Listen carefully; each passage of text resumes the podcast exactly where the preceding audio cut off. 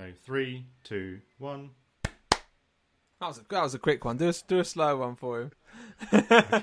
a slower one. A slower countdown. Yeah. All right. Three. Same time. That's Right, really slow.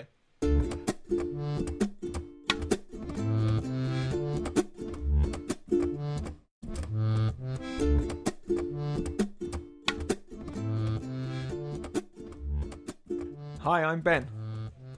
I'm Chris. And Mark, and this is Fireside Swift.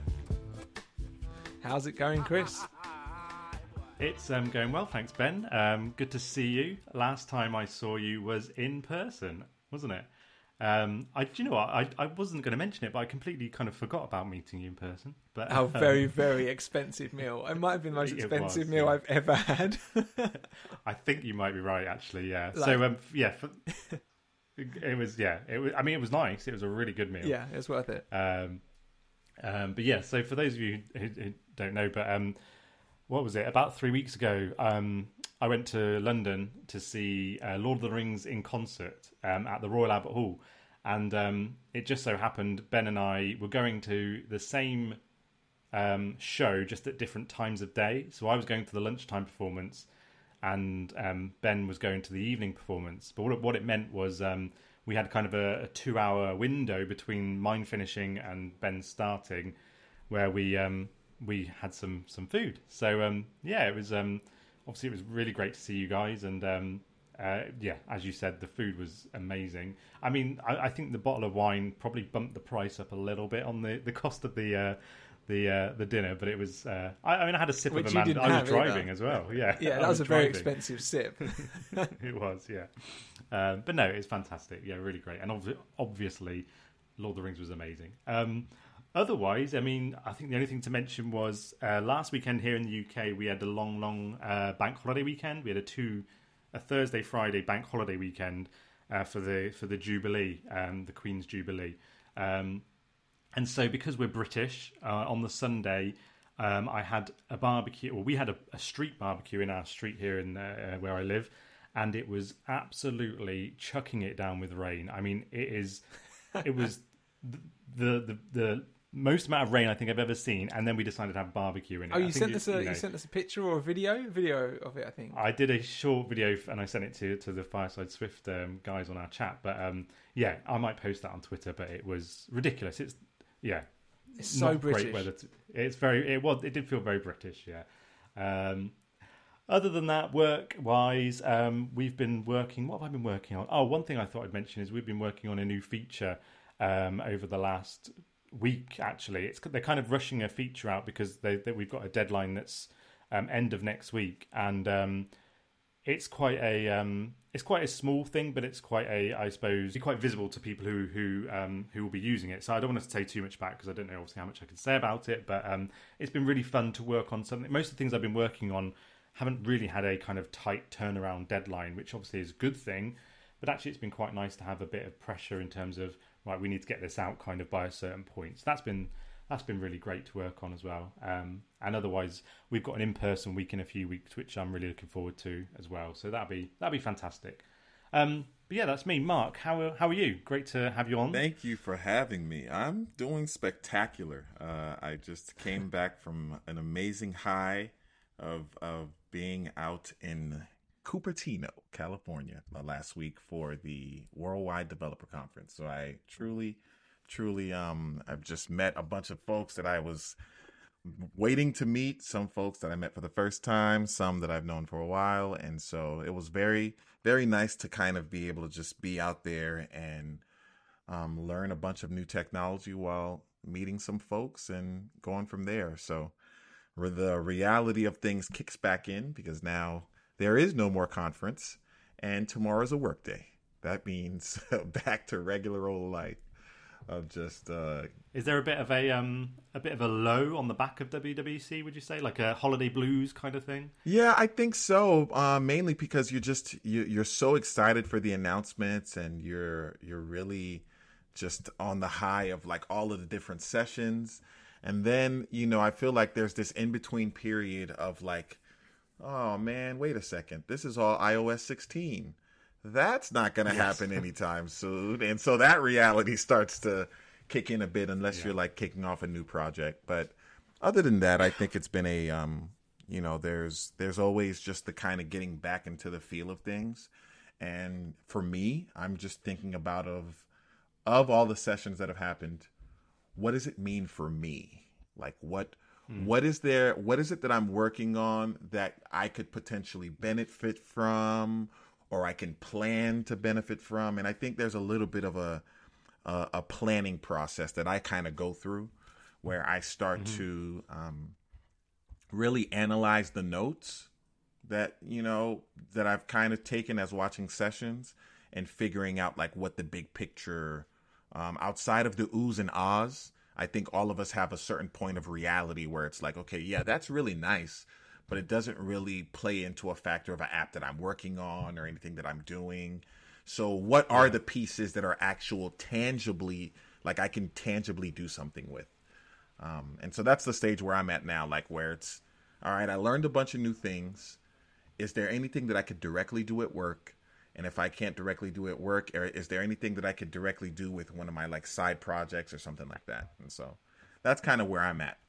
For our iOS team stand up last Thursday, we watched Platform State of the Union together. T- together, um, and what we were able to do is kind of we all made our own notes while we were watching it, and then we you, you know we chat in the kind of chat window whilst we were watching it, and then we've come away from that with like three or four kind of high level topics that we want to explore further. Um, that we whether there be quick wins that we can implement into the project or or longer term things, all things that we just like you say, all things we just know we not we're not going to be able to implement because we we we we still support iOS. Well, we've just dropped support for iOS 12 last week, so um, yeah, so it's going to be a, so some things we're definitely not going to be able to use, for example. So so yeah, no, it sounds. Um, I think a lot of teams, I imagine, across the world will be having those types of conversations. Absolutely, especially as we get ready to to for most that are planning towards 16 then um i know you know that gives you the opportunity of especially if you're one of the what i think is the more common choice is the n minus 2 group right? So it's the latest one before that and the one before that. And so which would pretty much put you 14 to 16 which i think is a nice little window um to be in. So Yeah, looking forward to to seeing what comes out of that I was wondering. Um, I, I was I uh, kind of on a side to all of this that I think we generally do quite a terrible job at introducing our guests to the listeners. uh, most people probably already know who you are, but for for anyone listening who doesn't, do you have like a, an elevator style Sure. overview of uh, of your experience or A- absolutely. So, hello, everybody. My name is Mark Opont. I am a senior iOS engineer at Nike, specifically working on the Sneakers app. Um, for those that are not familiar with Sneakers, it is a app for folks who are sneaker fanatics and want to be able to get high heat product and um, apply for you know the lottery chance of being able to get a certain sneaker. So for most folks, you either love the product or you hate the product because you either get the product or you don't. So I think that puts a lot of folks into a certain category of just either being, you know, on the high of landing uh, a very highly anticipated shoe um, or not getting one. And so when I'm not doing that, I also Well, go ahead. Sorry to interrupt. But did, were you aware that I developed the uh, the Adidas counter part, the Oh, counter yeah. uh, competitors app? I made uh, Adidas confirm. That is. I don't know if you guys were aware of it or have looked at it. Um. I probably don't care because it's the Nike app is such a good one. Yeah, no, Uh, I I think you know there's always this idea of kind of knowing what else is out there. I I think competition is good for everybody, right? There's there's there's always We we were very much like people. Our designers were going, "Well, sneakers do this. can't we? Can't we do this?" And we're like, "Oh, okay, okay, let's have a look." It's such a you've got such a fantastic like eh, like you, the engineering of the app is so good. You can you can tell and you can feel it, and uh, it's obviously got a great team behind it. No, it I- must, I- it must be a lot of fun to work on. Absolutely, I, I have an amazing team. The folks, the folks at the studio in general, um, are just really amazing, brilliant folks to work work with, and so there's always lots of fun. Um, just thinking about the different things we can do, and what sort of future innovation that we can come up with um, with that. So it's a like it's the uh, the whole like kind of hype countdowns and that of a of a nightmare, aren't they? Uh, Oh, for yeah. us, yeah, coming up with that for the for all the UI has to count down, Absolutely. has to be on, and you've got uh, open reservations and things. all in It's- it's sync, a real, right? we've, we've all had we've all had those problems. Absolutely. I'm sorry, Lots I- of pain. No, no worries. No worries. Okay, I can't. Remember, uh, yeah, what, what were you going to say? So outside of that, um, when I'm not, you know, coding nine to five, I also I'm part of an initiative called HBCUC2, where it's uh, coding and creativity, and it's a um, initiative uh, ran by uh, Tennessee State University, where we really seek to empower coding and creativity for um, students at various historically black colleges and universities in the nation. And so, um, part of what I do with that is really helping these students. Um, we actually have an app development team that is sourced purely from students from across the nation. And so, I pretty much help mentor slash guide them in building out projects um, and really giving them the real world sort of expertise of like what it takes to build out uh, production applications because I think there's a lot that you can learn online, but having some sort of context or or or, or understanding of what it means to like be mindful of like working on a team, right? Git, how to use Git, pull requests, pull request reviews, doing all that sort of things.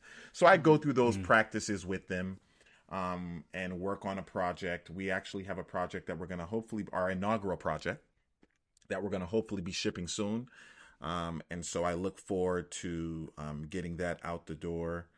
Um, and so, yeah, so when I'm, you know, pretty much working with students and also working with the faculty and staff to give them some of the knowledge that I have so that they can um, incorporate iOS development somehow in their curriculum so that it's something that the students can see at, at a credit hour sort of uh, view, right? So they can actually get uh, some credits for this, which which is something that happens. Like there's the there's the Stanford course where you could learn iOS development, um, and a couple of others out there. So that's really what I I, I do um, for the most part is just give them that insight as to like what they may be missing, so that it's not just a book smart thing where they're just learning theoretical app development, but the actual day to day of what it means to um, create apps. So that's pretty much it for me. Yeah, that's that's fantastic. What a uh, what a great thing to to get into, and I uh, you can see how you're teaching them the things that when people say you need to have X amount of work experience, those are the things you would pick up in that work first work experience, but they'll have it. It's almost what I went through with Hef to a certain degree, looking at Git Yeah. and briefing you on the sort of things you're going to run into in the real world. Um, so that when you went into your job interviews, you had all of that, and it does it does feel like a massive void. I think. Yeah, Um, even like things like working in like sprints and things I'd never done before, and, and you taught me a lot about that, Ben, before before I had well, as I was going through my interview process, and it's kind of like those, I suppose, softer skills Right. um, that are really, really fundamental to doing the job every single day. Absolutely. Yeah. And it's it's something that I'm always trying to perfect myself. So like granted I'm by no means a designer, nor am I like a project manager or anything like that, but like I wear a lot of those hats when trying to like set up a Trello board and sprints and prioritizing tickets and doing all of that and allowing them to run the project. So the the team that I currently um can, I'm currently working with because every semester we kind of rehire students, right? We go through a whole application process where they get to apply and join, and so I have um, two uh, project managers, a product manager. I have about four developers and a product designer. Um, and so I try to let them run things as much as possible while just kind of providing slight little insights as to like how to um, better make things run smoother. So, all right, let's get our Trello board set up. All right, here's the high level of what we want our product to do. Let's set up a roadmap. Now that we know what the roadmap's going to be, let's set up tickets that match the features that we need to design um, or we need to get set up. And so let's work with the designer on the team um, make sure the designer understands the roadmap so that she's able to um, design the product in such a way. Let me get her familiar with the Apple Human Interface Guidelines because I'm not necessarily a designer, but the Human Interface Guidelines gives you the guidelines on how you should design something. So let's use that in in the midst of using tools like your Mobbins and your Dribbbles to get inspiration and do things like that. Um, create the necessary designs. Work with the project managers on the team to um, create the actual tickets that then the developers on the team get to then do and work on, while also working with the product manager to kind of determine what is the, the app that we're working on what do we want the product story for this to be? Like what do we want to be our first version that we ship? What are going to be some of the features of the next version? Um, do we need to have conversation with our subject matter expert on like how that's all going to work? So it's managing all of that stuff um, which is it's every time I have to share information with them, a lot of times I have to look it up myself. And so it's challenging me to to become more well versed in what it means to ship a product. I think I'm so used to just looking at products from an engineering perspective because I just write the code, right? But there's so much more that goes into a product um, that has nothing to do with the code that you write. So I think that's been a cool experience in really learning that and providing the students with that level of insight. Yeah, that's fantastic. Uh, yeah, love it. Um, I uh, I'm gonna I'm gonna hand off to myself because we forgot to remind you. we forgot to say that that's how it works. But um, so I, I've been really ill um throughout WWDC, and I I st- I came down with a virus uh Monday night. So for us, that's when Dub Dub starts, or maybe even just maybe even during the day. I think I was ill for it, um, and then uh, Tuesday I just got worse and worse. Uh, Wednesday and Thursday I was basically just bed bound, like not not eating, uh, uh, not working, which is really rare for me because I, I am a contractor, so I don't get paid or anything. Um, Hmm. and then Friday, fine, and I'm back back on my feet again. So um, I've missed most of WWDC. Our our, um, our work had sessions every day of like out like they did uh, a couple of hours every afternoon, just watching the sessions together. I think they'd all just sync up when they were going what ones they were going to watch, and then have a shared note, and they'd have a, a live chat, and they'd watch them and discuss, you know, how if they're interested and general chat, but also if it will be any use for us in the future. Um, I'm working on the uh, the Guardian app at the moment, like a news and media app, and um, I've never been at a company that's kind of given so much time to it. I think our staff developer at the moment would have given us, and pretty much did give us as much time as we wanted this week, just to just Mhm. just watch WWDC, just learn. Um, but we also had a few Health Week tickets that needed doing as well. Um, and yeah, yeah, it's, it's been really, uh, it's been really painful to kind of what I couldn't. I was so ill I couldn't watch the sessions. I it would have just gone over my head. I couldn't focus on anything, so I just put on films. But I knew that there was all this stuff happening that I haven't that I'm behind on, and I've tried to catch up on Friday with what's new in everything at UI Kit Swift. Um, haven't done the Swift UI one yet, but because we're not writing Swift UI at the moment. But yeah, I'm trying to catch up as best I can. Um, and I, yeah, so hopefully uh, in a minute when we when we end up talking about it, we can cover some things and I can learn maybe learn some new things. Um, I was going to say also, yeah, when we met with Hef and he said that the Lord of the Rings show was really good. it was really oh good. yeah, you had a different experience. I, uh, were- I, I can't remember. Was I just really tired? I can't remember. Is that? What? well, I think how many how many glasses of that wine did you have? Oh, not many. I had like three. well, I had a few. I think that's put you to sleep and the food, Yeah, yeah, and the food, and I think. and you've got a six month old baby. Probably. yeah, mate. I think I was quite sleep deprived that night because I, I generally I take the nights on the weekends.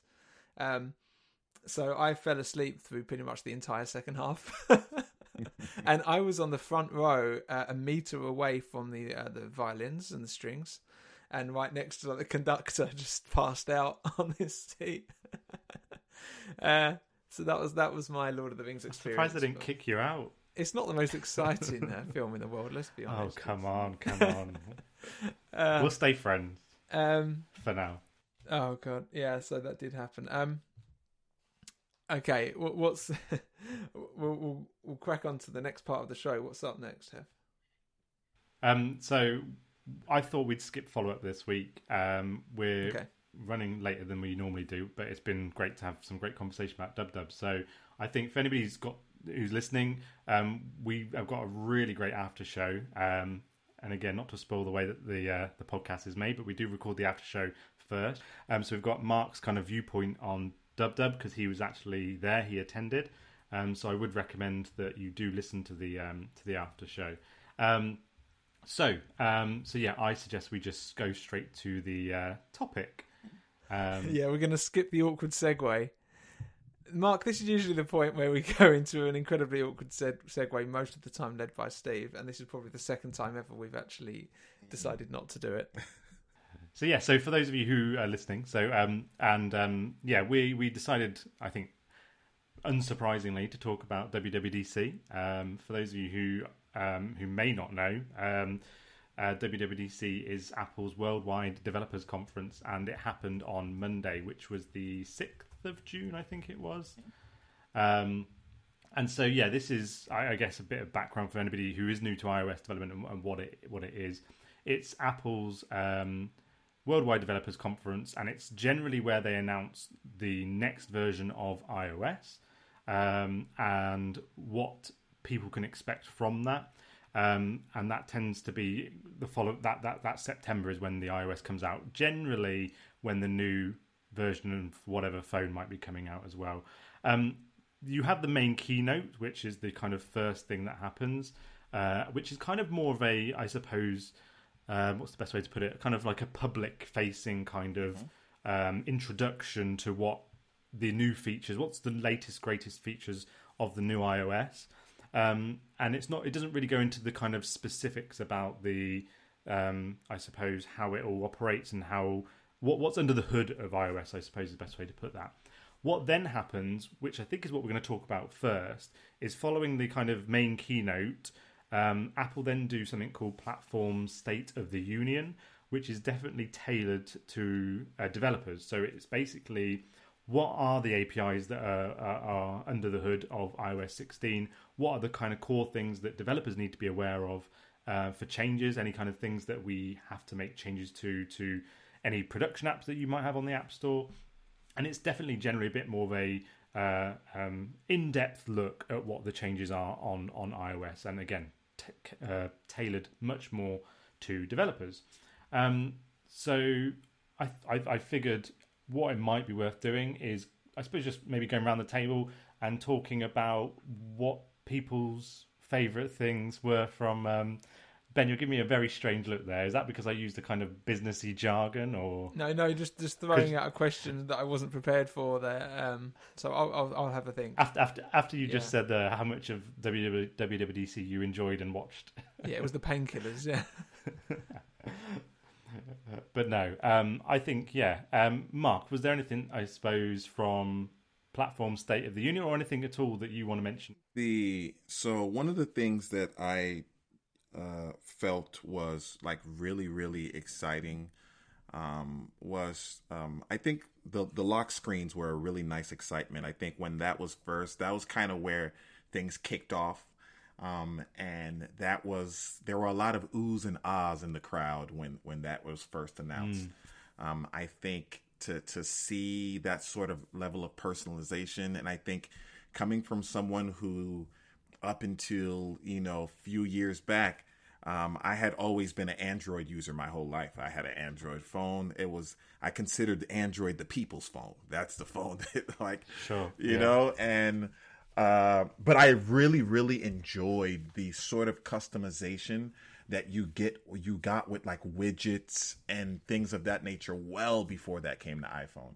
And so just being able to kind of see that elevated to even like a lock screen um, use case, I thought was a, a really, really nice touch, um, especially considering now it's one less reason to kind of unlock your phone for relatively basic data. Granted, I think, you know, you could always swipe to the right to kind of show certain widgets.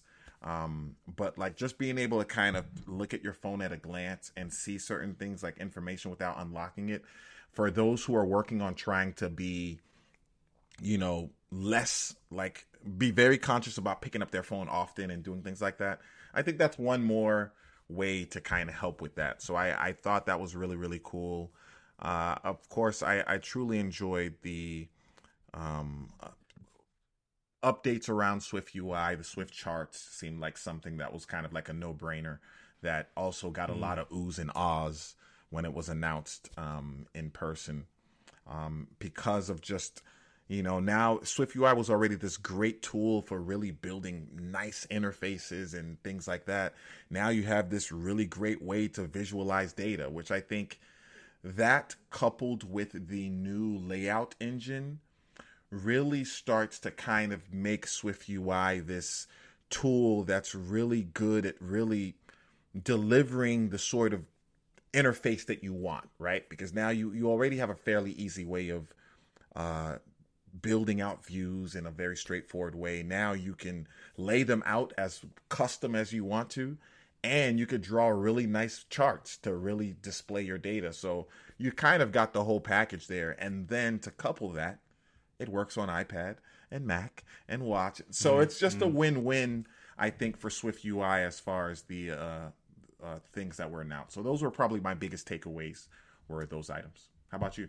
Well, I, can I? I just want to go back to the live activities one you mentioned. Mm-hmm. That that was the one for us that we discussed because mm. uh, we deal with it a lot with live news, like with the the, the wars and the elections, mm-hmm. especially and you want those counts coming in, and that really intrigues us. And I think that's something we're going to look into. And I think a lot of developers will want a good API here because you uh, working on sneakers, having that real time update mm-hmm. of drops and stuff. Would, Absolutely, would yeah. You read my mind on that. Like,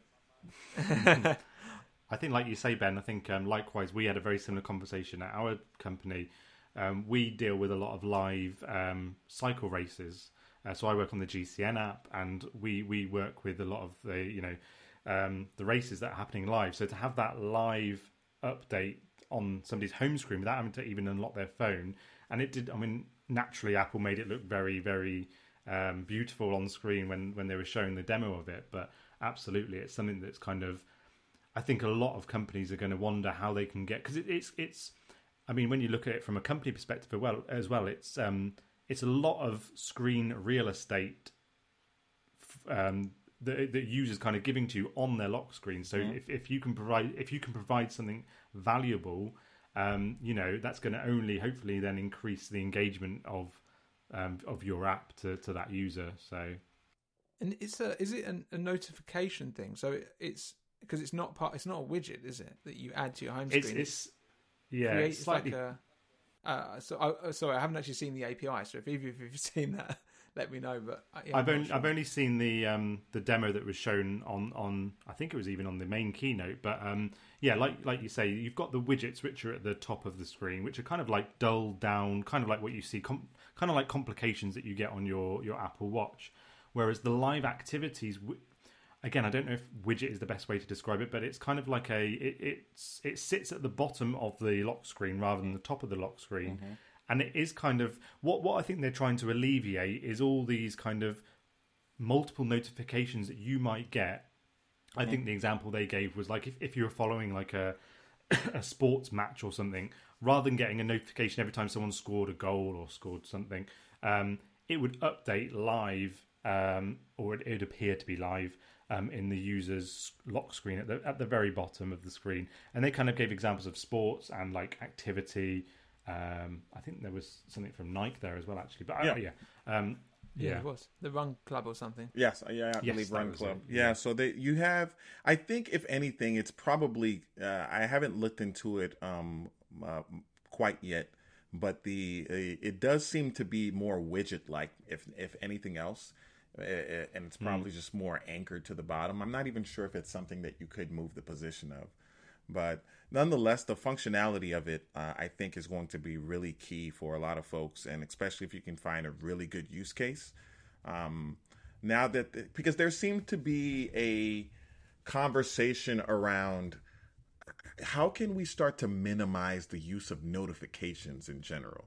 This is just one additional step to like, all right, if you were somebody that was spamming with notifications, there's no need to do that. Stream your information here instead, instead of spamming the user with notifications, mm-hmm. because they've also added the ability for notifications to kind of show up bunched and out of the way.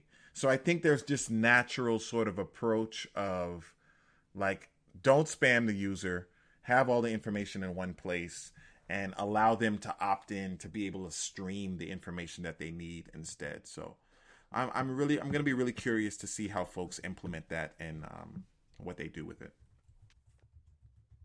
Absolutely. Um, Brevin on our Slack channel has mentioned that um, he doesn't think that you can actually interact with them at all. Mm. I think it's just yeah, just for displaying information. I imagine maybe if you tap on it, maybe it would bring your at your the app yeah. up, the corresponding mm-hmm. app up.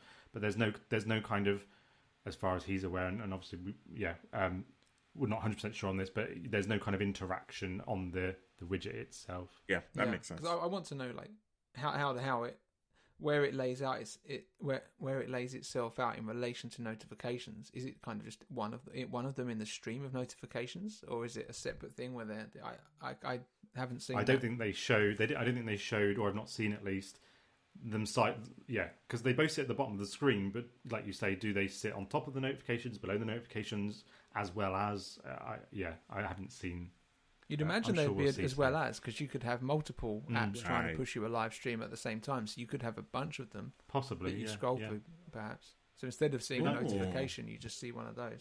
That'd be nice. So it kind of function like a like a page view controller sort of uh, interaction where you just swipe between them. I think it would, well, I was thinking that they'd actually be stacked like notifications, so they would just be push notifications. Mm, gotcha. But I don't know. I, I but yeah, I don't know if anyone has seen this yet or not. No, no. I think one thing that's going to be quite addictive, just briefly going back on the lock screen uh, uh, part that you mentioned earlier, Mark. Um, one thing that's been quite addicting, and I've already seen a few threads of this, is just seeing people's different lock screens now. Um, I mm. saw a thread on Twitter the other day, and people obviously installed the beta on their, their device, have started sharing what they've done with their lock screens, and, and some of them look, yeah, fantastic. So it's going to be nice to see that. I've just realised none of my devices. I've got two iPhone sevens, an iPhone 6s, and an iPhone SE, and none of them support iOS 16. You'll have to do it on your main device then. Yes, I, I could put it on my iPad. I'd probably trust it with the iPad, but not. Yeah, no, it's not going on my on my mini. My my goal was to install it. I, I, I haven't installed the beta I, I, yet. My I want to, but I still mm. use like my main device for like day to day development, and I don't necessarily want to mess that up quite yet. So I, I might try to see if I can find an older device um, to put it on. Um, that way, I can still kind of have a, a, tried and true device for just day to day work. Uh, versus having to put the beta on there and then wondering, oh, is this beta bug? Is it not? It, it's just and and plus then you have to then I have to start working with beta Xcode. So it's that's the only kind of catch for me. Yeah, likewise. Yeah. I'm in the same boat as that. Yeah. What's your picks then, Have? Um, I was just going to mention one thing that I found really interesting was pass keys. Mm-hmm, um, mm-hmm. I think so. It sounds like it's um, a passwordless um, authentication, isn't it? So it's not a you're not entering a password. Even so, at the moment, whatever account you create, you generally have to create a password. Obviously, you can create kind of um, ones that are generated for you. However, I suppose the concept of this is that that is just not even you don't even have to do that anymore. You you the phone if you're signing up through something with your phone, um, and again I, I don't know the technicalities of this, but it, it will it will use your face as kind of the authentication or, or whatever it might be. Maybe your your iPhone um, number when you when you log in. Um, but a password, uh, actually creating a password is kind of redundant. There's no need to do that. And I think it's it's something to do with the way that tokens are generated and, and things like that. But um, I think um, that just sounded really interesting. And I think one thing that, well, I suppose two things to mention on that was the way that Apple described it on both the keynote and State of the Union was that it was going to be very straightforward to implement. So basically, any kind of current authentication workflow um, should be able to easily support passkeys. And I mean, obviously, we have to caveat that with the fact that Apple do tend to tell us how easy it is to implement a lot of things, and then obviously when we come to do it, it doesn't always work out that way. Yeah. Um, and gen- and I suppose generally not from from you know it's generally because of other stuff that's going on in, in your own in your own apps.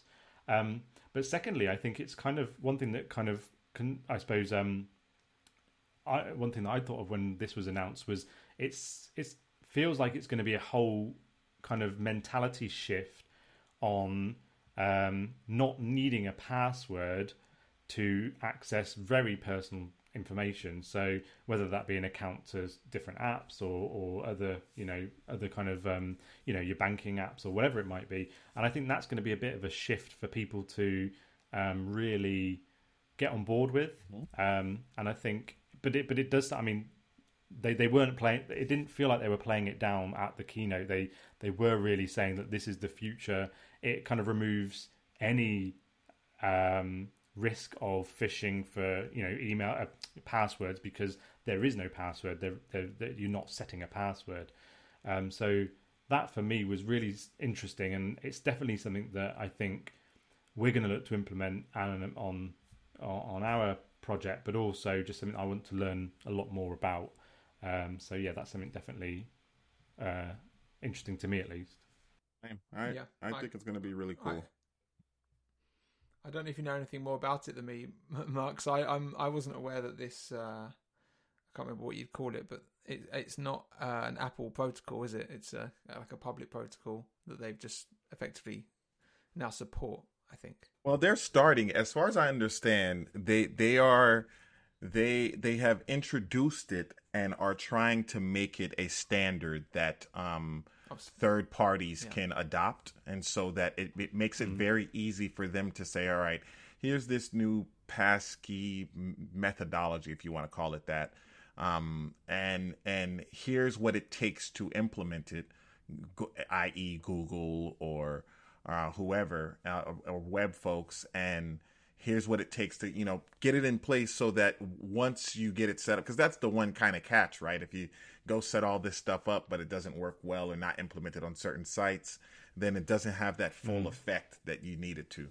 Um, so once I once I think the adoption is there, I do think it's a fairly nice way to um, start to set things up. I mean, I think the only downside that some folks may have is this idea of because it's something that I had to think about once I started going down this 1Password, strong password path of generating passwords is man, now like I'm nothing without that app. Like if if I Mm. get locked out of 1Password or a keychain doesn't work or something like that, I have no idea what the password to even check my bank account. So like it's it's one of those like things that you have to get past. Um, and it's a trade off, right? They're trading off that knowledge for the security, but you're putting a lot of trust in the iPhone or the 1Password or the keychain to manage that for you. And that's not necessarily easy decision for a lot of folks.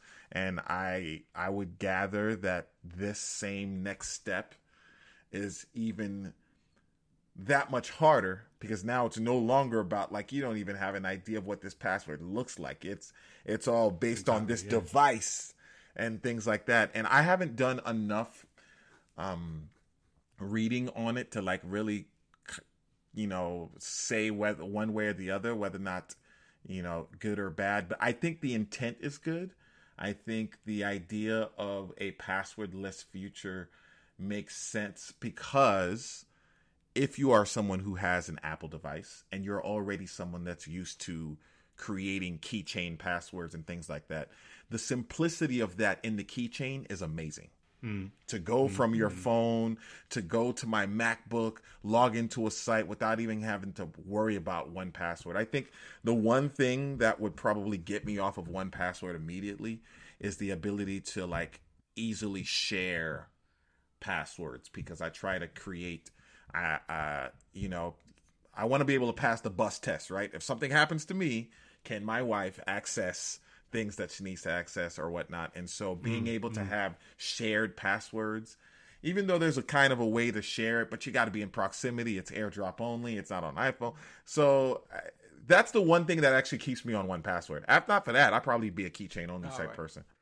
Um, Yeah. But I like the shared aspect of creating passwords that we both manage so that it's for Yeah. things that we both need access to. I can kind of hmm. do that in a simplistic way, but ideally, I love the keychain for that reason because I can. That once you're in the ecosystem, it works really, really well. That that's like Apple could that could be their tagline. It really is. It works really. You got to be in the ecosystem, though, and and I You- think that's how they get you. be. The ecosystem is bananas. I mean, that's probably what most. I I tell folks all the time: having just one iPhone or just an iPad, it will not wow you. You won't be okay. iPad's cool. Okay, I could probably do some of this stuff on my Surface, or I could do some some of this stuff on my Pixel. But the second you get that iPhone iPad combination, and you throw a Mac in there, or you throw an Apple TV, then you're like, oh, I get it.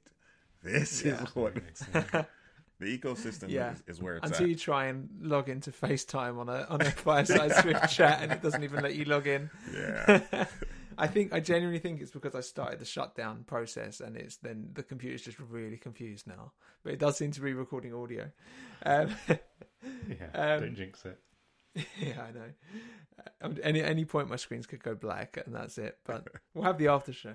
Um, for, for me, uh, I I was having a quick look over what we made notes of um, at work, and yeah, what's new in Xcode uh, 14? That Mm. that is what I'm looking forward to most, and probably and maybe not like everyone else. I'm most excited about the organizer updates, even though they're not quite as uh, vast as I'd want them to be. So, uh, organizer, I didn't even realize existed in in terms of how good its analytics have gotten over the last few years. And I used it only a few months ago, and then I realized, hey, I can see all of my crashes here, and not only all of the crashes, uh, all of the TestFlight feedback that users have attached to those crashes.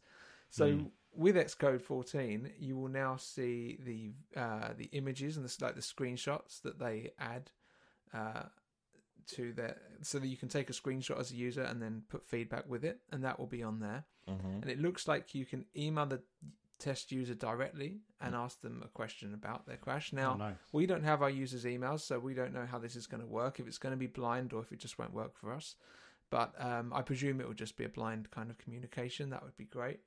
Um, so that was really exciting. And then uh, we're all- we're trying to move away from Crashlytics at the moment, and Crashlytics does a lot. So there's certain things that Organizer can't replace Crashlytics with yet. Um, for instance, you can add breadcrumbs and things and various logs that you can then see in your stack trace or um, just in the logs of that particular crash. Can't do that yet uh, natively, which is a bit unfortunate. But hopefully, they'll, we were ho- we were hoping for it because then we could have just said all we need now is organizer, but we we can't say that yet. Um, but they have introduced uh, much better hang detection, so the amount of time that your phone is uh, on but not responding to taps. Like we we had recently a massive spike in hangs, like it went up to like two thirds or something. It was it was it's gone to to a crazy level, but none of us experience it in real time. But we don't know how to debug these hangs, and it's not specific to what's causing it. We had we had our ideas, but uh, we'd have to blind test it. With this new one, it will tell you, it will give you stack traces, I think, for the hangs, or it, it gives you a lot more information. There's a session specifically on it that I need to watch, but it looks like you'll be able to go through and see exactly all the threads that were running at the time that the that the device was hanging, and then we can go, okay, it's this new system, it's these image downloaders, and so that's that's a really exciting change. Um, I don't know if you guys have seen much about the new Xcode, but it does. It looks like to have some nice, like simulated, like recent simulators. Yeah, I, I would have applauded for that if I was. Uh, what's that? What's what's recent simulators? I've not seen. it's what you would think. It's like a recent. Uh, so as you click on your simulators at the top, it says recents, and it will say iPhone 11, iPhone SE, or Oh, nice. something like that. So that because yeah. for me, I've got this enormous list because I've got Yes. three different operating Yeah. systems, and I haven't been bothered to clone it. That- Um, yeah, that's amazing. yeah, the the builds are meant to be a lot faster. hmm Um, Yeah, but I I've don't heard too. understand the build phases. So when they say we have two times faster parallelization or something like that, I'm like, well, what? How big a chunk is that? Is that only a millisecond anyway, or is it a big thing that's going to save me a lot of time? But any optimization is appreciated, and probably it's take like been a lot of work to do. Um, we've made a note saying simulator search, but I don't understand what that means. Is there some sort of simulator search? It might have been written by someone that didn't know you could search for simulators uh, in the devices window, but uh, we have apparently app icon is a single size image. Is that true? I didn't write these notes. Yeah, so you can definitely select one. Um, there is now the ability to kind of provide the largest size that you, similar to how you, when you're uploading assets and you're able to go in and, and determine, like, if you don't want to have to use the the three scales, so like provide the 1x, 2x, 3x image, you could go in and say, I just want to use a single scale. Um, and so that same sort of functionality now exists for the app icons where you could just say, provide the largest one that you provide the largest one that you need to provide and then use this as single scale so it's able to kind of essentially use that for all of the multiple that we used to do before you can now do it one which is a really nice welcome update. Granted i never necessarily had an issue with that per se because there's some pretty cool tools out there that can generate your app icons for you that spit like out the toaster, a a Right, real used right. toaster that goes in. I love that animation. right Yeah, so it's kind of like, well, I mean, this is cool that it's one less third party resource that I would need to use.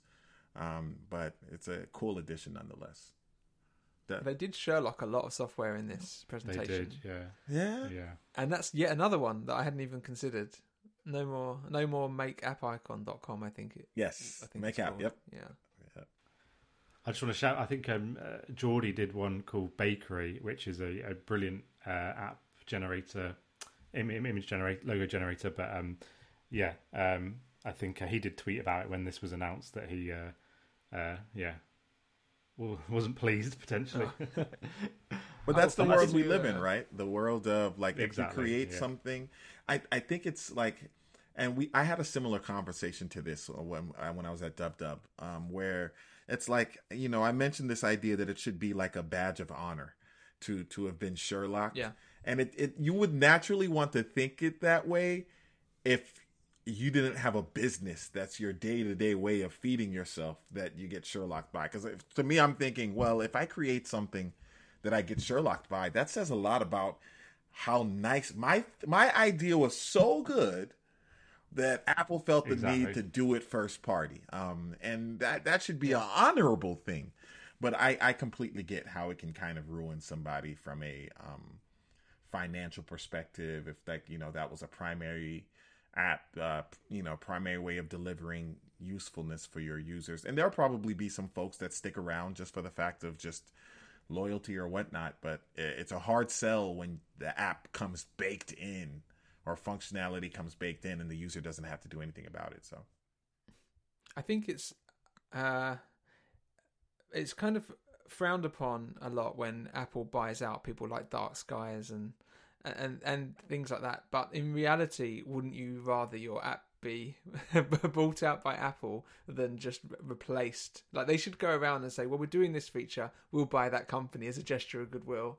And we won't, we won't use them, but just here's some money. We appreciate your ideas." Mm-hmm. You It, know? it's interesting you've just mentioned Dark Sky because one thing that I'd written down was the weather API, mm. and now AKA the Dark Sky. exactly.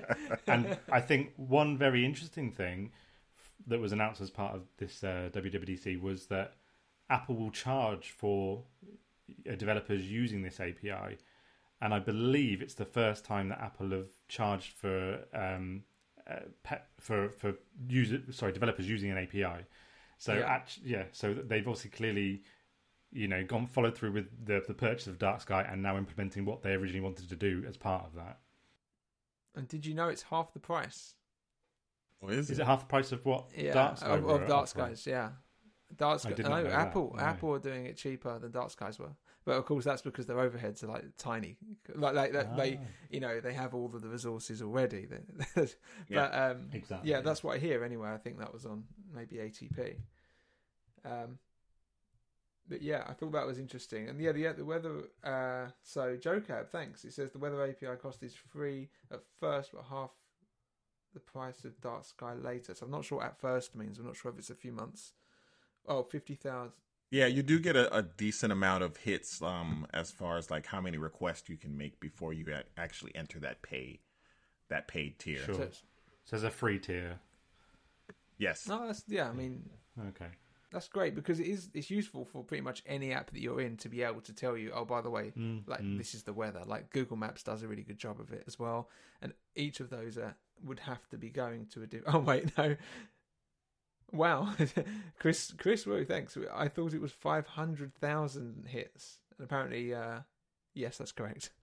So that's that's that's a, that's a good free tier, isn't it? I mean, your your app is doing pretty well. They're obviously expecting people like the the big hitters uh, to be able to actually want to do it. Like they might introduce it into into sneakers or into the Guardian. Like the Guardian probably wouldn't mind having weather and having a. Uh, we we would probably hit that limit, but yeah, if it's if it's cheap, then Yeah. great. yeah. I've got one of those infographics. Have you seen like the infographics that people have done in Sketch? Yes, they- I've seen that. Yeah. And I saved one onto our thing that says like our messages. You can edit messages, delete messages, mark as unread. We weren't going to go too much into the keynote, but that you know that's fantastic. It does. Re- it does require that both users are on iOS 16 for that to to work. I think. I- I don't think it Right, works yeah. if if the other user is on a lower iOS. Um, one thing I thought I'd uh, pick out from, and it, again, it was in the keynote, but um, focus filters. Um, the reason I'm calling this out is because apps can also now subscribe to a particular focus. So, say you've got a work focus, or you've got a you know personal focus, or a workout focus, whatever it might be.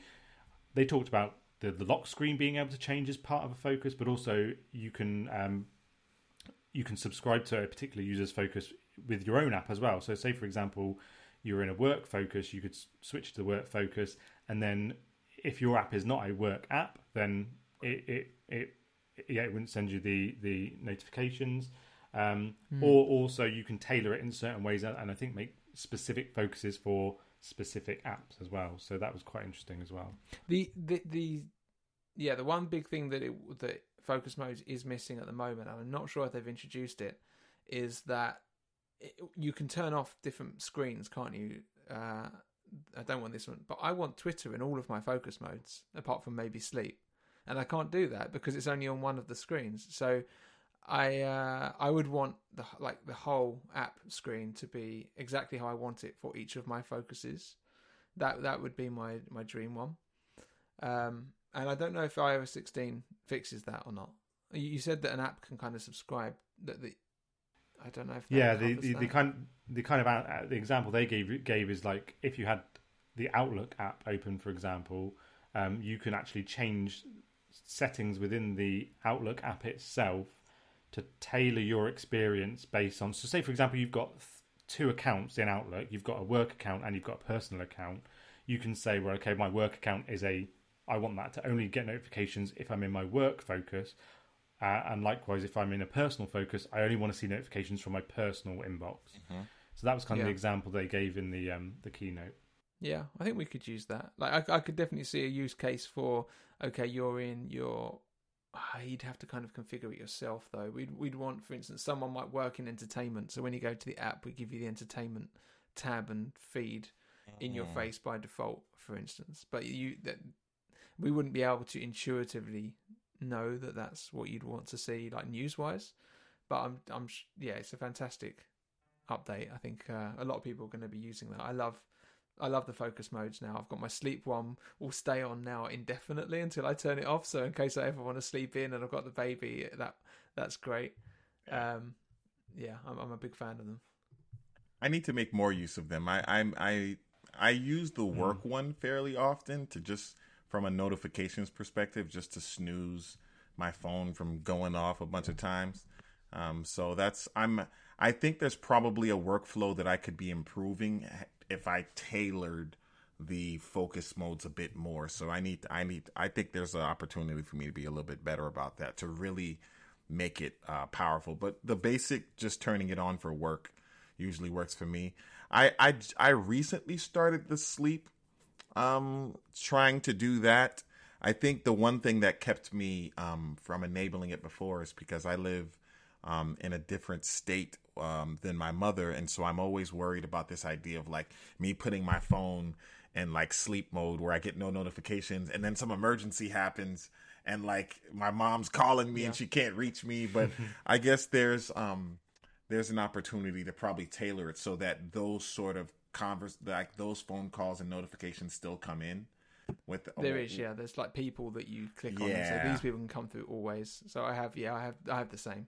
I should do Like that because because then what what tends to happen is like you know you're sleeping and then you're getting all these your phone's buzzing uh, from notifications that are happening from all over um and so that's uh I, I need to get better about using the sleep one for sure Yeah, yeah. The uh, the scheduling saves me. It, the scheduling came on actually during the show, and I disabled it just in case it would like just Yeah. turn off any of my apps or anything like that.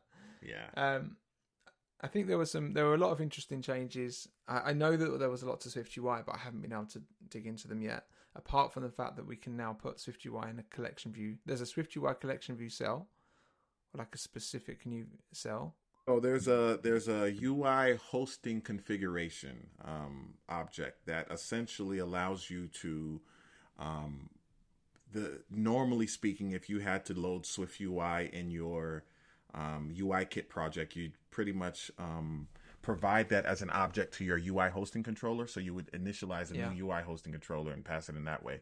So this, uh, I haven't looked into it completely, but this UI hosting configuration is part of the various configurations that you could use with collection views in general, right? Because I think it was like two years ago, we had some collection view updates that now let you do like list cell and all these sort of like various collection view um, configurations, right? Um, which I thought was probably going to deprecate table view, UI table view, but looks like that's not the case. So this new UI hosting configuration allows you to now um, build in directly your Swift UI view and use it within a collection view cell. That that to me is one more step of like really, and that's a really nice use case of Swift UI because it's a very encapsulated environment. You're not worried about navigation. You're not worried about all of these other items. It's just like straight UI. Um, and I think that's a really, really good sell for folks who may not have the ability to use Swift UI in their full app, but would like to start to experiment with a very uh, centralized, focused UI element um, within their cells. I think the only thing that doesn't make me jump on it right now is it's yet another iOS 16 thing. So if I want to go build this, now I'm Oh, having to set up okay. some if available checks and things like that, Yeah. and I'm adding extra cruft to the app. But uh, assuming you're willing to deal with that, right? You can start to experiment with like, let's build out some of these cells in Swift UI because we know we'll be able to reuse them in some way, shape, or form, um, and you know go from there. I, I do think in the same video they talked about the use case of, you know, once you start dealing with UI, now you have to start thinking about what your data model does, right? And using uh, creating an observable object and publishing and all of the type of things that we tend to do with Swift UI uh, code. Um, you have to kind of give some thought to that. So that that's the only kind of catch that I find is this unless you're someone that's building if you're not unless you're someone that's building for iOS 16 you kind of lose out and if you are building for iOS 16 why aren't you using Swift UI out the gate so I, I don't know. Yeah, yeah. You know, that's just my early. That's an early hot take. Maybe once I start playing with it, my my take will change. But I'm excited about it. But I'm not as excited. I'd be more excited if it was something that went back to like, I don't know, iOS 13 or 14. Now that's like a use this today sort of thing. But if it's iOS Yeah. 16 thing, then I can't use it till 16. And if I'm building an app today, I think I think there are very few people, especially given that Apple reserved a whole slide in their keynote, I believe, to say that we believe Swift and Swift UI is the future, right? Really cementing folks that look, there's no reason why you should be, as of today, in a file project new scenario and picking UIKit in that scenario, right? If you're file project new, Swift UI is what you should be selecting. And so if that is the case, do I need to use Swift UI in a collection view cell? I, I don't know. That's that's yeah, that's really interesting. I I did a uh, an investigation like a month or two ago into can we can we move all of the Guardian cards into instead of being collection view cells into Swift UI cells, and every one of them needed to have a UI hosting controller, and the the overhead I think of that would have been huge and. Um, and then also we use a very custom. We don't use auto layout, so we basically uh, manually calculate out the heights and uh, and just pop things exactly where they need to be, because um, it was done at a time where uh, auto layout was quite slow. Um, and yeah, yeah, my yeah, my conclusion was no, we can't we can't do this. However, we we have had someone on the team that said, right, okay, if we can't do that, can we change the front? It, that the I'm using terminology, so the actual collection view itself, we'll write that in SwiftUI first, keep our current cards, and then we'll do the cards in SwiftUI as well eventually. So I think that's the way we're going to go because we're going to even with this change, this wouldn't work well with our custom. It'll work probably well with auto layout, but not with our uh, weird layout system. So um, yeah, they they are all good changes, and uh, you are. I hadn't really occurred to me that yeah, I wouldn't be able to use it for another two years, really. As, far as I know, I I could be wrong, but I'm pretty sure. I think it's a 16 plus sort of API. Yeah, it says in my notes here. Yeah, that and the Grid API as well, which I didn't, I haven't looked into, but I'm aware that there is kind. I don't know what Grid does. Like, is it like a collection view? So, or what's the difference? As far as I understand, what the what the Grid really does is just give you a way to kind of define your UI in this sort of row column sort of layout. So within a grid, there is, there are the grid row objects where you actually define what a row is. So you your outer container is the grid and then within the grid are all your various grid rows. And then from within those grid rows, you could specify, well, I want this row to have two columns. I want this row to be three columns wide or one column wide. And by virtue of doing that, you can kind of create these very dynamic sort of layouts that you might not have been able to do with your traditional lazy V grid or lazy H grid or those sort of things. So um, I haven't unpacked it. I did watch the session. I haven't had a chance to actually play with it itself.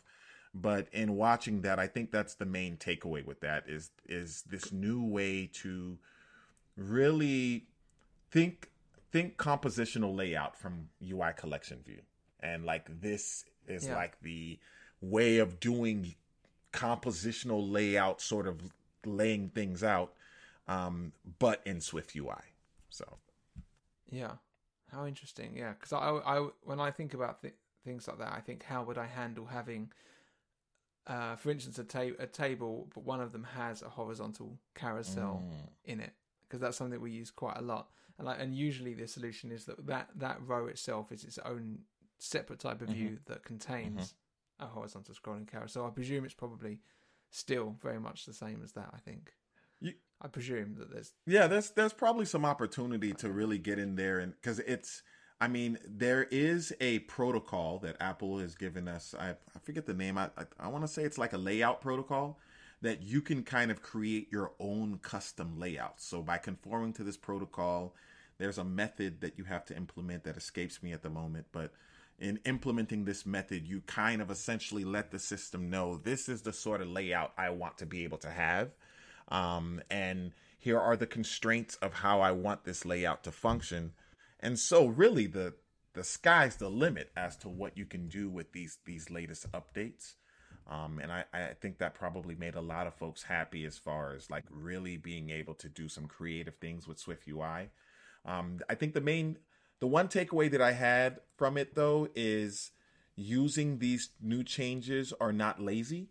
So you are loading everything up front when you um, use them. So if you create some sort of like grid that's got like stuff that scrolls off screen, um, you're loading everything at once. Whereas like with some of the more lazy options, you only load what's on the screen and kind of dequeue like you you would in UI kit land.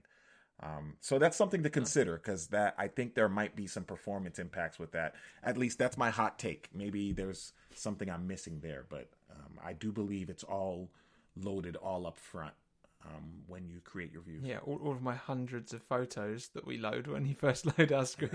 Right. So yeah, that'd be something to consider. Okay, that's good to know. Yeah, really good to know. Cool. Um, I think we guess we need to wrap up. I'm gonna have to yeah, I'm definitely I'm definitely feeling my uh, late nights now.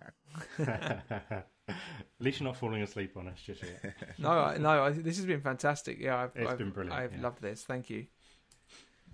Um, so just moving on. So um, just um, one small shout out this week. Um, just somebody who's recommended us on Twitter. Um, so um, Ilya Stuklov um, just thank you for recommending us to another user on Twitter. Like we say all the time, we don't really do a lot of self promotion. It's really through word of mouth. Um, so um, just thank you for recommending us, basically. Just as reminders to anybody listening as well, we have our Slack channel. So if anybody wants to join in with the Fireside Swift community, just have a look on our Twitter bio for our link to our Slack channel. And you can join in the conversation when we have our live shows uh, on Twitter Spaces or just uh, interact with us and the community on there. We have a uh, merchandise store, so um, if you want to have a look at any merch, um, the link will be in the show notes and topic recommendations. If anybody has any recommendations for any topics, then we're more than willing to to cover them in the future. Um, that's it from me. Does anybody have anything else? Um, shout out to everyone in the uh, Twitter space.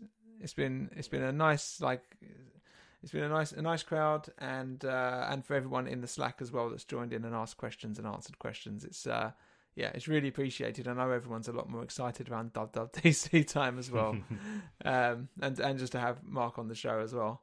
Oh yeah, and just thank you so much for joining us. It's been amazing. I think that's pro- you're probably most of the reason we've had an uptick in our uh, in our space not and engagement all, today. Not at all. Shout out to Jordi. I got a chance to run into and uh, meet him again at Dub Dub, and his um, app was nominated as one of the Apple Design. He's an Apple Design Award um, uh, nominee. Yes. So yeah. shout out to him for that. Um, really cool person. Cool. Oh wow. Really nice person to meet in person. So and he was a celebrity. cool. I will. I, I will. I will drop him a follow. Absolutely. Definitely want to follow Jordi. cool. Right. Um. Well, I'm, I'm not going to say the thanks for thanks for that. You, you start, Hev. I don't want to step on your toes. Cool. right, everybody. Thanks for listening, and we'll speak to you soon. Cheerio. Cheers. It's such a good feeling to be back with you, cause second season was long overdue. Let me introduce you to the new Fireside crew. Chris and Ben are the English blokes who correct your grammar and tell witty jokes. Jordan is the baritone. Steve's the one you already know.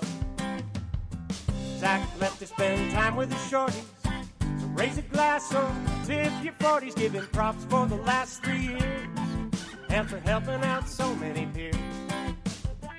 Now let's get down to business.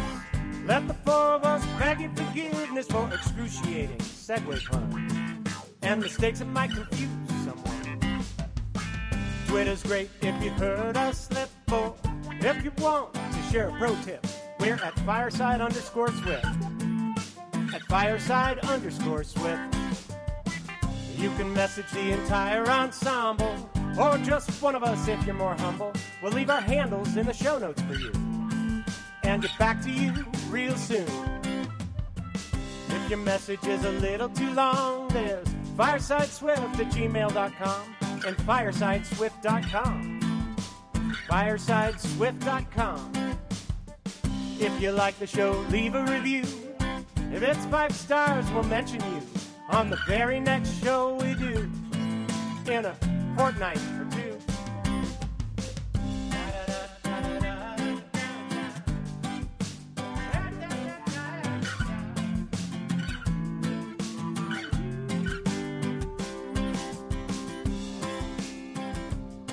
Yeah, yeah. Like, I think um, everyone I? everyone wants to know the kind of behind the scenes. What was your experience like? Uh, the general day, the, the feeling of it, like how long were you there, and etc. Absolutely. So I'd say overall, um, the time was amazing. It was it was more than amazing. I think if it was to a point where if I knew without a shadow of a doubt that Dub Dub was happening for sure next year in person, similar, like I would have like I would have bought my tickets while there. Like that's how much Right. s- how certain I would want to have that mm-hmm. experience over again is to to do that. I think for a lot of folks, at least I can speak for myself, I really haven't attended a conference since we've kind of entered this shutdown, you know, pandemic world of things kind of being at a close. And so I think there's a natural expression of just wanting to be around folks from being so secluded for so long. And i think that was that certainly played a factor in how much i enjoyed things. But i was fortunate enough to get a golden ticket. And so i was uh at apple park and went there for the event watched the keynote state of the union all of that. And even that was such an amazing experience that i i really do hope that in the future um, I had a I had a conversation with some folks where I expressed that that you know if, if at all possible, um, it'd be nice for the next dub dubs to happen at Apple Park as well. I mean the convention centers are nice. I I was able to attend. Uh, I believe it was 2018, 2019. I went to Dub Dub, but more so AltConf because I did not get a golden ticket, and so I would I would just go just for the sake of being at AltConf, being around the folks um, which I can say as a person who used to be on the other side of the tape, right? Watching all of the people. it's like this kid in the can like sitting outside the candy store watching the kids inside eat candy and just have fun and hee hee ha ha about all the can- and you're sitting there watching them from the other side of the window like oh one day i hope um and i think being able to attend the actual like be on the inside i think there's a big difference in your experience of experiencing the actual event when you're there versus kind of when you're around. Um, I will say what added to the event and what made the event as far as you know I I am considered is the the people, right? The stuff that happens after 5 or I'd say after hours. That's probably more what solidifies the event for me more than the stuff that happens during the day, mainly because the stuff that happens during the day can happen at any time when it comes to like watching the sessions and labs. I think those things are really nice. Um, but the stuff that happens after hours is where you really start to meet the people. And I feel like the people, that's what really makes the event because for a lot of us, um, a lot of folks we may know online only. It's like Twitter. I know your avatar. I've chatted with you on Twitter before, or we've, you know, kind of have a surface level sort of conversation just in tweets. But when you meet someone in person, their humanity comes out a bit more. Um, their likes, their interest, where you both may intersect um, as far as like likes and interests, and um, just being able to kind of speak outside of the context of just tech sometimes just really solidifies just relationships and really allows you to get to know folks. Mm. And that's something that mm-hmm. i can truly appreciate by going there because i had a chance to meet a lot of people for the first time that i've seen and spoken to online for years but never actually met in person. And they were even better people in person than they are online. Um, not to say that they were hmm. bad it's just it, I, I feel even much, that much more connected to them um, and I think that's It's kind of like the um, sorry, Mark. It's kind of like the uh, whole working from home thing that's happened. Obviously, a lot Right. more over the last few years.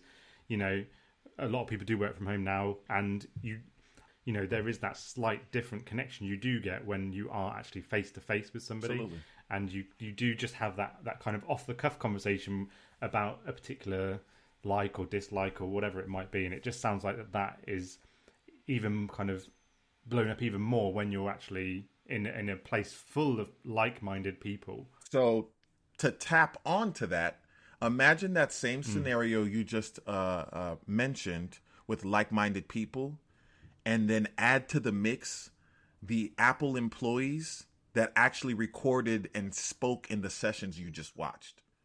So like now Yeah, it's like yeah. times 10 because it's fine that you you get a chance to, you know, meet folks from Twitter and um, meet folks from you know, however else you may know them online, but then to actually speak to the employees who are already so passionate about the work that they've been putting in for who knows how long to finally be able to reveal it um, and speak to it and not just do that but also offer some level of if you run into any issues or you have any um, problems with whatever you're working on let me know file a feedback and just kind of just be open.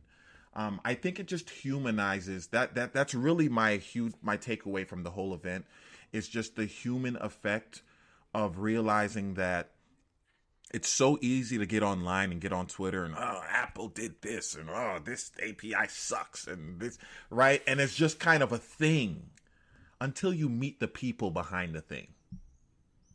Yeah, and then it completely it hits you different because then you're like wait a second. Yeah. i spend so much time or for some of us we may spend time online like punching down on certain apis or punching down on certain things realizing wait a second there are real people behind this thing regardless of how you mm, may mm. right? And not everyone has the ability to make an exact uh, uh, des- design decision on what gets shipped and what doesn't get shipped so but outside of that, they're just people.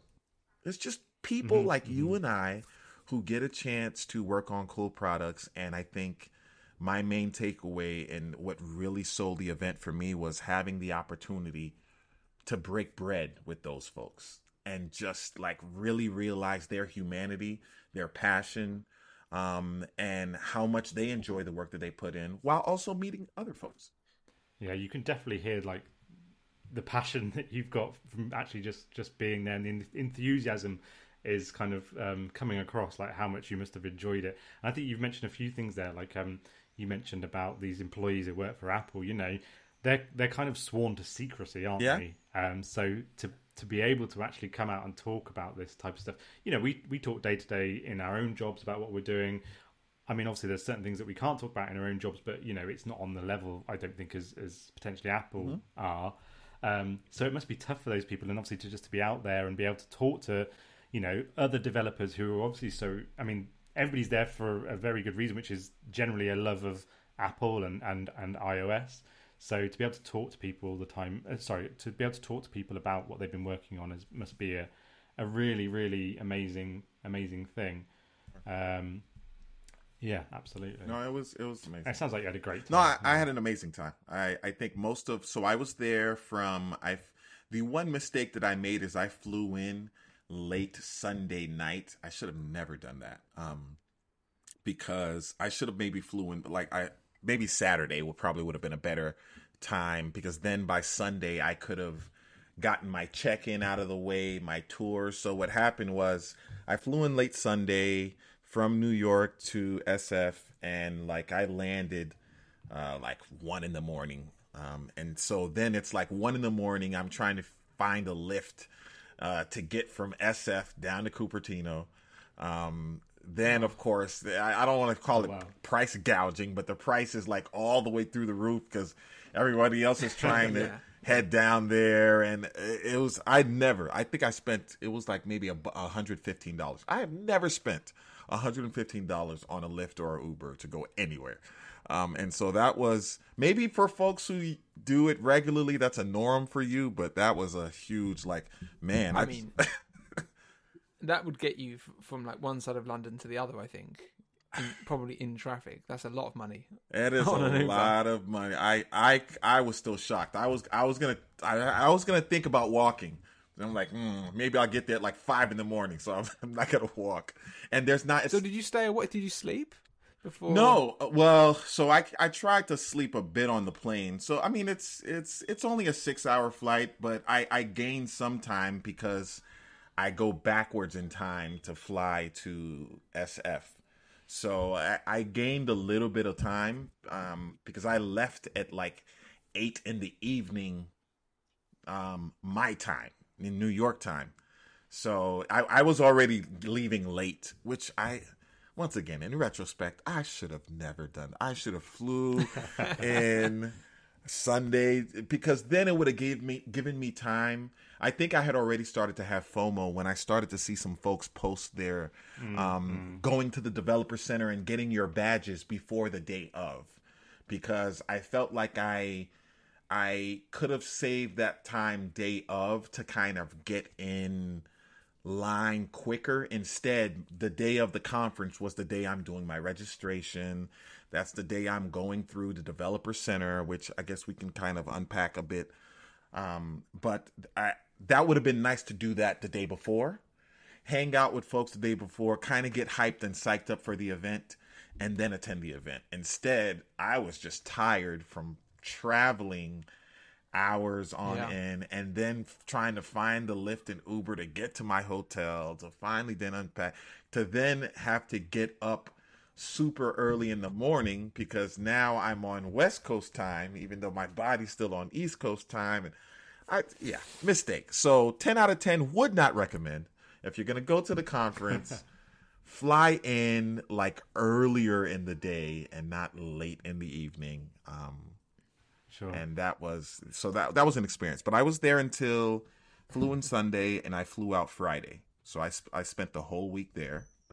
Um, and initially, I thought I was going to uh, leave earlier, but I said no. I mean, everybody else is going to be out there that give me an opportunity to not just watch the sessions, but potentially meet with different um, folks uh, and labs and things like that, and kind of do watch parties, that kind of thing. Um, and so I spent the whole week there, and most of that was, you know, watching the sessions and meeting up with folks and just sharing things that we've liked um, and doing what folks would normally do at a conference. Uh, I think what I would like to hopefully see next year, if things come back in person next year, is a more formalized approach to events. I think there were events that happened, but nothing was official. So you had to know somebody that was doing something to meet up for a dinner or meet up for lunch or do things like that. Right. Um, and it'd be nice if Sure. it was more like formal in the developer app. Well, some things were in the developer app, but like, uh, all right, 2 p.m. is going to be a watch party for folks who want to watch, and it's at a global scale, and then kind of doing some things that way, Mm. so that if you were nec- if you were there alone, which I I technically was there alone, I didn't fly in with a team or anything like that. So if you're there alone, you'd have community to be able to connect with Yeah. and, and do things like that. But really awesome. You're kind of reliant on word of mouth and Exactly. and, and Twitter, I suppose. I, I think, I mean, I've I've never been, but I, I think in the past they've done that, haven't they? Where they've been a bit more formalised about certain things happening at certain times. I, I think there must been it must have been an app for that for it, or whether it was a third party app or an Apple official app. I don't. Well, it I'm was a not whole sure, week um, event then, right? This this time it was technically a one. It was a one day event. Yeah. So yeah, as far as Apple's considered, all right, you you you don't have to go home, but you got to get out of here. And so, you know, off you go. And and so it was it was a very nice time for sure. And Apple Park is gorgeous. I I don't think I have to go. yeah, it was a go- gorgeous, gorgeous park. It, the pictures don't do it justice when you finally get there in person and see how huge this thing is. It's like a big Halo ring. Like it's for those who play Halo, but nonetheless, it is a an imagine. Uh, it's a very gorgeous place. The scenery is amazing. The weather was very nice. It was hot, very hot, hotter than I thought I, it would be. But um, yes, the the overall event was nice. I think the one mistake that I did make uh, uh, is a I thought that watching the keynote, I thought the keynote was going to be like a live stream event. Like they're going to get on stage, they're going to do much more talking, and so Uh-huh. I thought I want to be up front. I got to be in one of the first few rows. Um, and In so the sun. I yeah, so I went out of my way I've heard about this. to be up front and boy, boy, boy, barbecue chicken. I mean, it was just baking. Um, So it's it's funny you mentioned that because Steve actually messaged us just before the event started because Steve was there as well, and um, he sent us a picture of I think he he was front row. He managed to get to the front row as well, and um, I said to him, I said, "Oh, I'll, I'll look out for you on the live stream because I assumed, like you said, that they were gonna." I kind of thought people watching at home would see a bit of both, so they would see right. Images and videos from people who were there to try and build like that i guess atmosphere and and excitement that people were having when they were there. And then they would kind of cut to the kind of pre-recorded stuff. But um, they didn't show as far as i'm aware i've not seen any official footage whatsoever from from apple um, for anything that happened on the day that was live. Um, anything i've seen is all pre-recorded It must have been nice to yeah. be near the front for their. They did that the, s- a small intro, didn't didn't they? Just the two of them, Tim and uh, They did. Um, so that was cool. I think I was so I was maybe about four rows back, uh, as close to the front as I could get. I think most of the folks who were up front were probably folks who registered the day before that weren't um, that didn't have to go through the uh, registration process that I did in the morning because I got I got there relatively early. I think I was already at the venue by like 7:30 a.m. So for the most part, I'm there relatively early, but there was already a line from folks who already pre-registered who wanted to be able to kind of get in early and get their seats. Um, and so yeah, I got I got up front and I I so by the time State of the Union came, I was already inside. I was like, nah, I, I was cool. I made i think a lot of people did that yeah. it was time to go inside because there was no there was no benefit to being outside up front sure the you know tim and craig came on stage but that was all but like five minutes of like hey welcome little talk here and there then they got off Yeah. stage and then i'm just outside crisping watching a video no go back inside so i went back inside I saw a photo, I think, from Chris Wu, um, and it was from people who were watching State of the Union. And I think there was a comment on the thread that said it was dead. There was hardly anybody there, and he said the exact same thing that it was just so hot um, that people had just basically gone inside. So yeah, um, And, and the, the goodie bags had uh, what sun cream. they a hat, did a water bottle, and I did not get. Oh, I? I missed the joke until until after the keynote. Then I got the joke, or I, I understood why they had provided sunscreen because I'm thinking sunscreen. Of all the things I get in my goodie bag, what's this for? Um, and I realized really quickly. was it Apple branded sun cream or You know, no, I would have to go I back and look at it. have I an Apple logo on it? I, I don't think so. I saw The- I saw the picture. I think I think it's a decent a decent brand though. Yeah, Sure. Um, yeah. I wonder how I wonder how long they had that planned, or if they saw the weather forecast and thought, "Oh no, I we're mean, burning lots of." Like, I saw the forecast because I was trying to plan appropriately before I left, and I'm I'm seeing weather the lows of 55, 50 something. So I'm thinking, okay, it's going to be relatively cool in the mo- cool mornings, warmer afternoons. So I I went to the. I mean, I'm in a full tracksuit, thinking, yeah, it's going to be cool in the morning. So let me make sure I have. Uh, nice cover, and I took that thing off by the time the, the thing started because I, I was like, I, "Where's the cool? This is hot. What's Yeah. going on here?" You're in But- the sun trap. You're surrounded by a giant mirror. Oh, Kind of, yeah, no, you're like it, an ant under in a magnifying glass. it was rough. Um, so did you? Uh, did you meet many people that we would know? I mean, I presume yes. I don't know if you met Steve though. Did you? Don't think uh, I ran into Steve, but I did. I mean, I met a lot of folks in the space. The the folks that we have on the Twitter space, I think I I met in Like, I person. presume. Oh, really? Probably why they're here. Do you mean? Uh, did you see Two Straws as well? Oh yeah, no, two straws. Hudson. yeah, absolutely. Two two straws and I hung out for a little bit. Um, that was al- always a pleasure. Nice. Two straws is the inevitable celebrity. I, anywhere you go with two straws, he's he's noticed. I bet. so Yeah, that was number one. Absolutely, that was uh, a lot. lot of great folks. Um, like like I said, most folks that I hadn't realized. You're trying to recognize them from their Twitter uh, avatar. So you're like, uh, is is that who I think it is? And so, um, You almost need little name tags, but with your Twitter handle on, and maybe like the image as well, because the image is what gives it so what gives it away, isn't it? right. I, I honestly thought about Yeah, I making a shirt yeah. with Yeah. my my avatar on the shirt just so folks would recognize. I think that's a great idea. Maybe we should sell them like before Dub Dub Dub. You just send us to Twitter and we That's print it and, and send it out. Absolutely. I would definitely do that. Yeah, I think it's a good thing. We could make an app. We could design an app to do it for you somehow. You know what would be a good Yeah. app idea though? Just oh, thinking about that is an app that lets you because there's folks that I met at Dub Dub, right? And then we do the typical kind of Twitter exchange where it's like, "Oh, what's your Twitter handle?" and you go to follow them, right?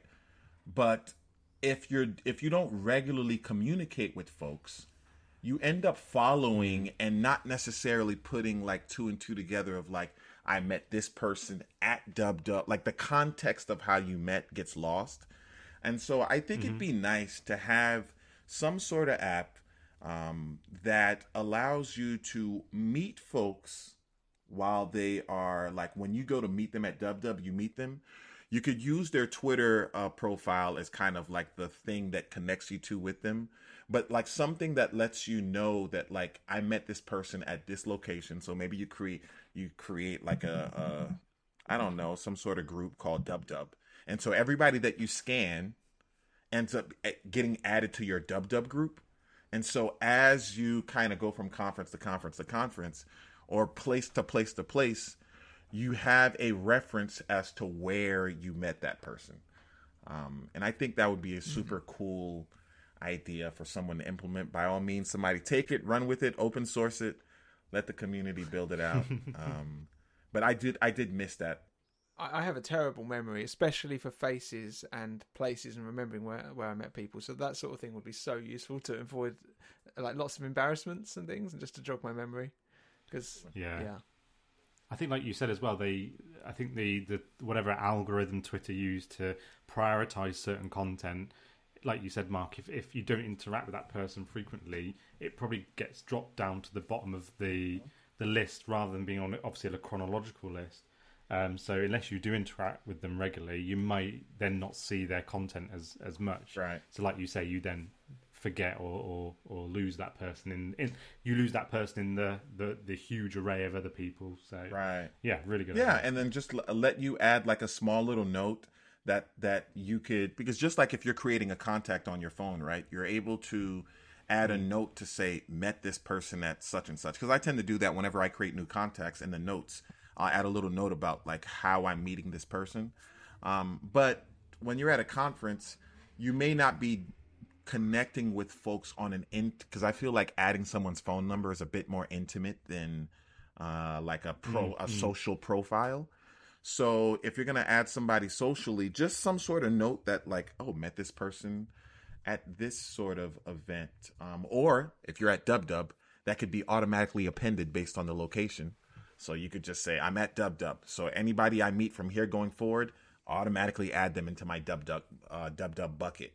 Um, and that way, it's just another way to keep in contact with folks and establish kind of like how you met them. Because otherwise, you're going through your Twitter like, oh, I'm friends with or I'm following such and such. It's like, how did I meet this person again? So, yeah. What was the um, what was kind of like the, the atmosphere there? What did it kind of feel like?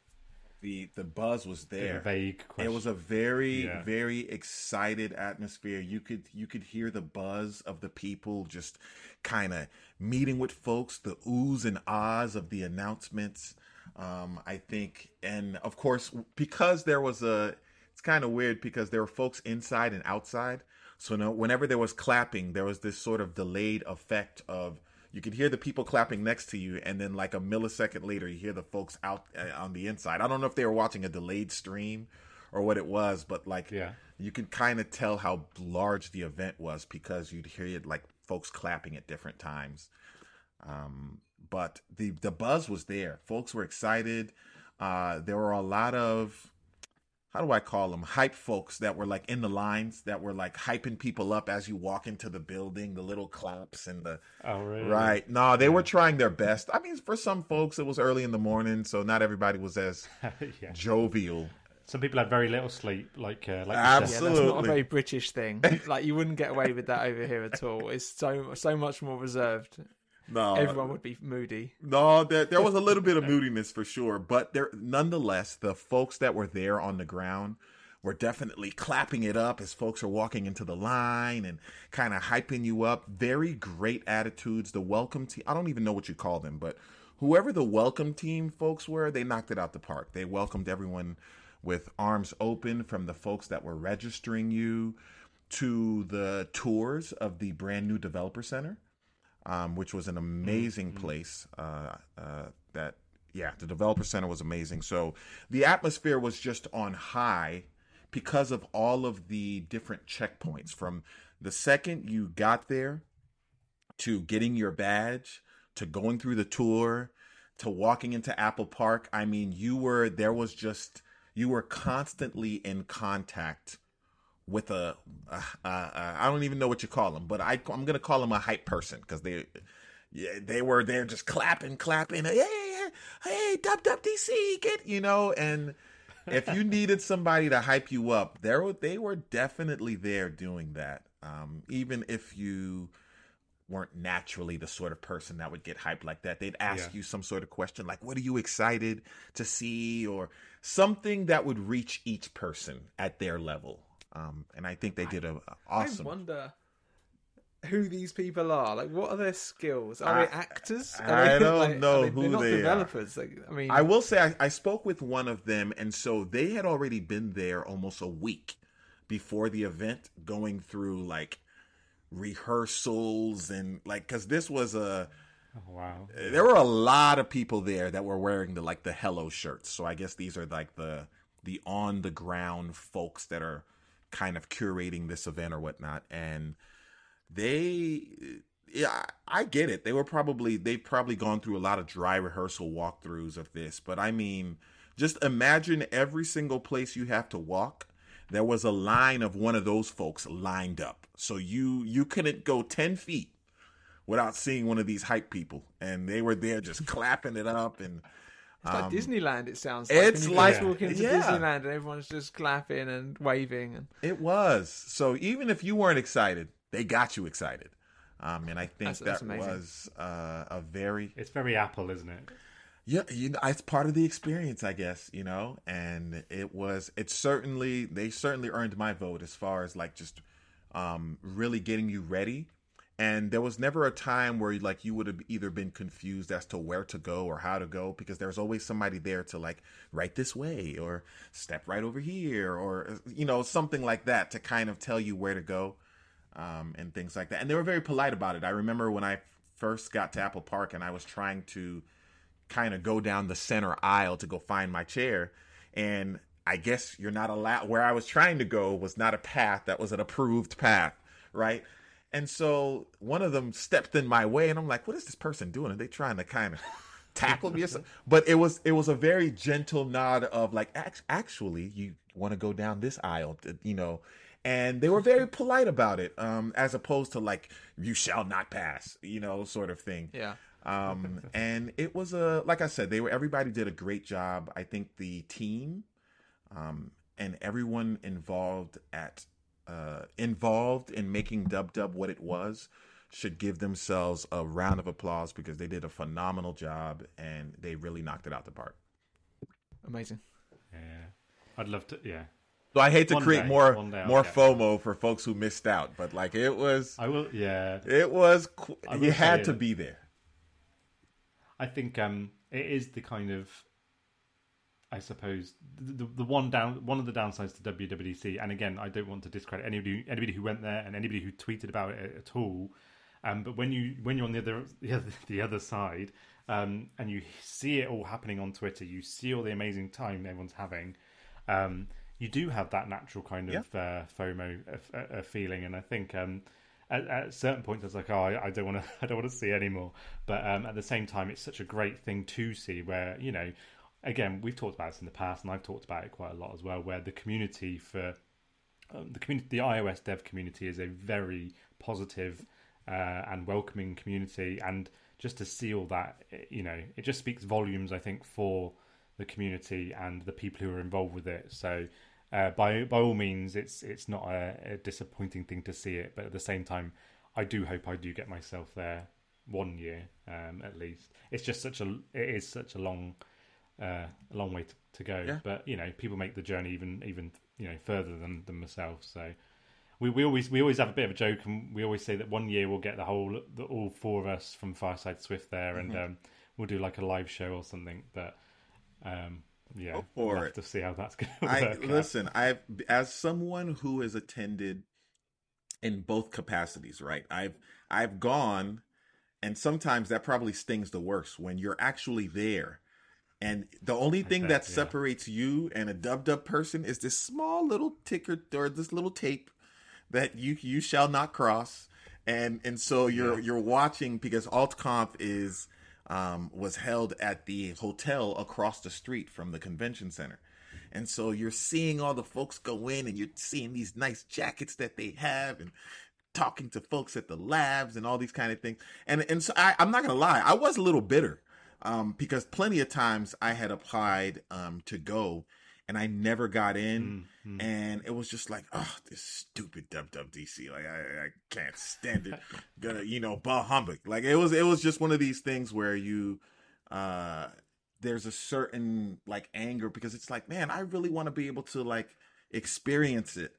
Um, yeah, but. I will say, going to AltConf, it's still an experience in itself because folks would go between both conferences. So you'd have the Dub Dub folks who'd come over to AltConf, and then you know, v- vice Mm. versa. And so it was, it was to to have finally have done it in Apple fashion, even if it was just a one day event. I can only imagine what the whole week Dub Dub would have been like had I been able to attend one of those before.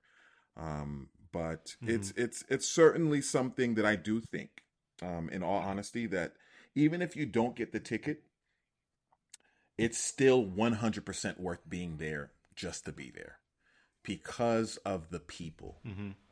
Uh, the uh, hand hands down, the people that you meet, the people that you spend time with, um, the camaraderie of just that shared interest and the excitement that that surrounds it, I think is completely worth it whether or not you actually go into the event itself. I think getting the ticket to the event just allows you to kind of experience it at a first-hand level.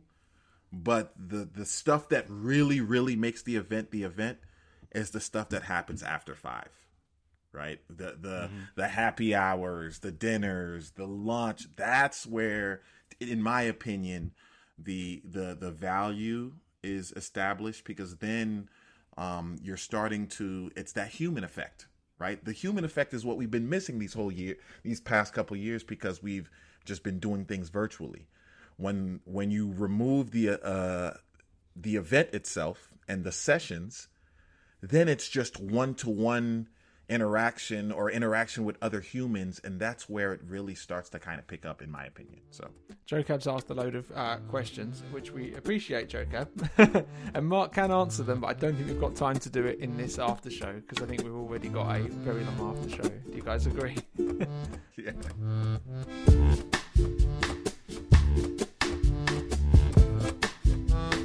Ding. That's for that's for Mr. Mc- McSwiftface. Ah, boy.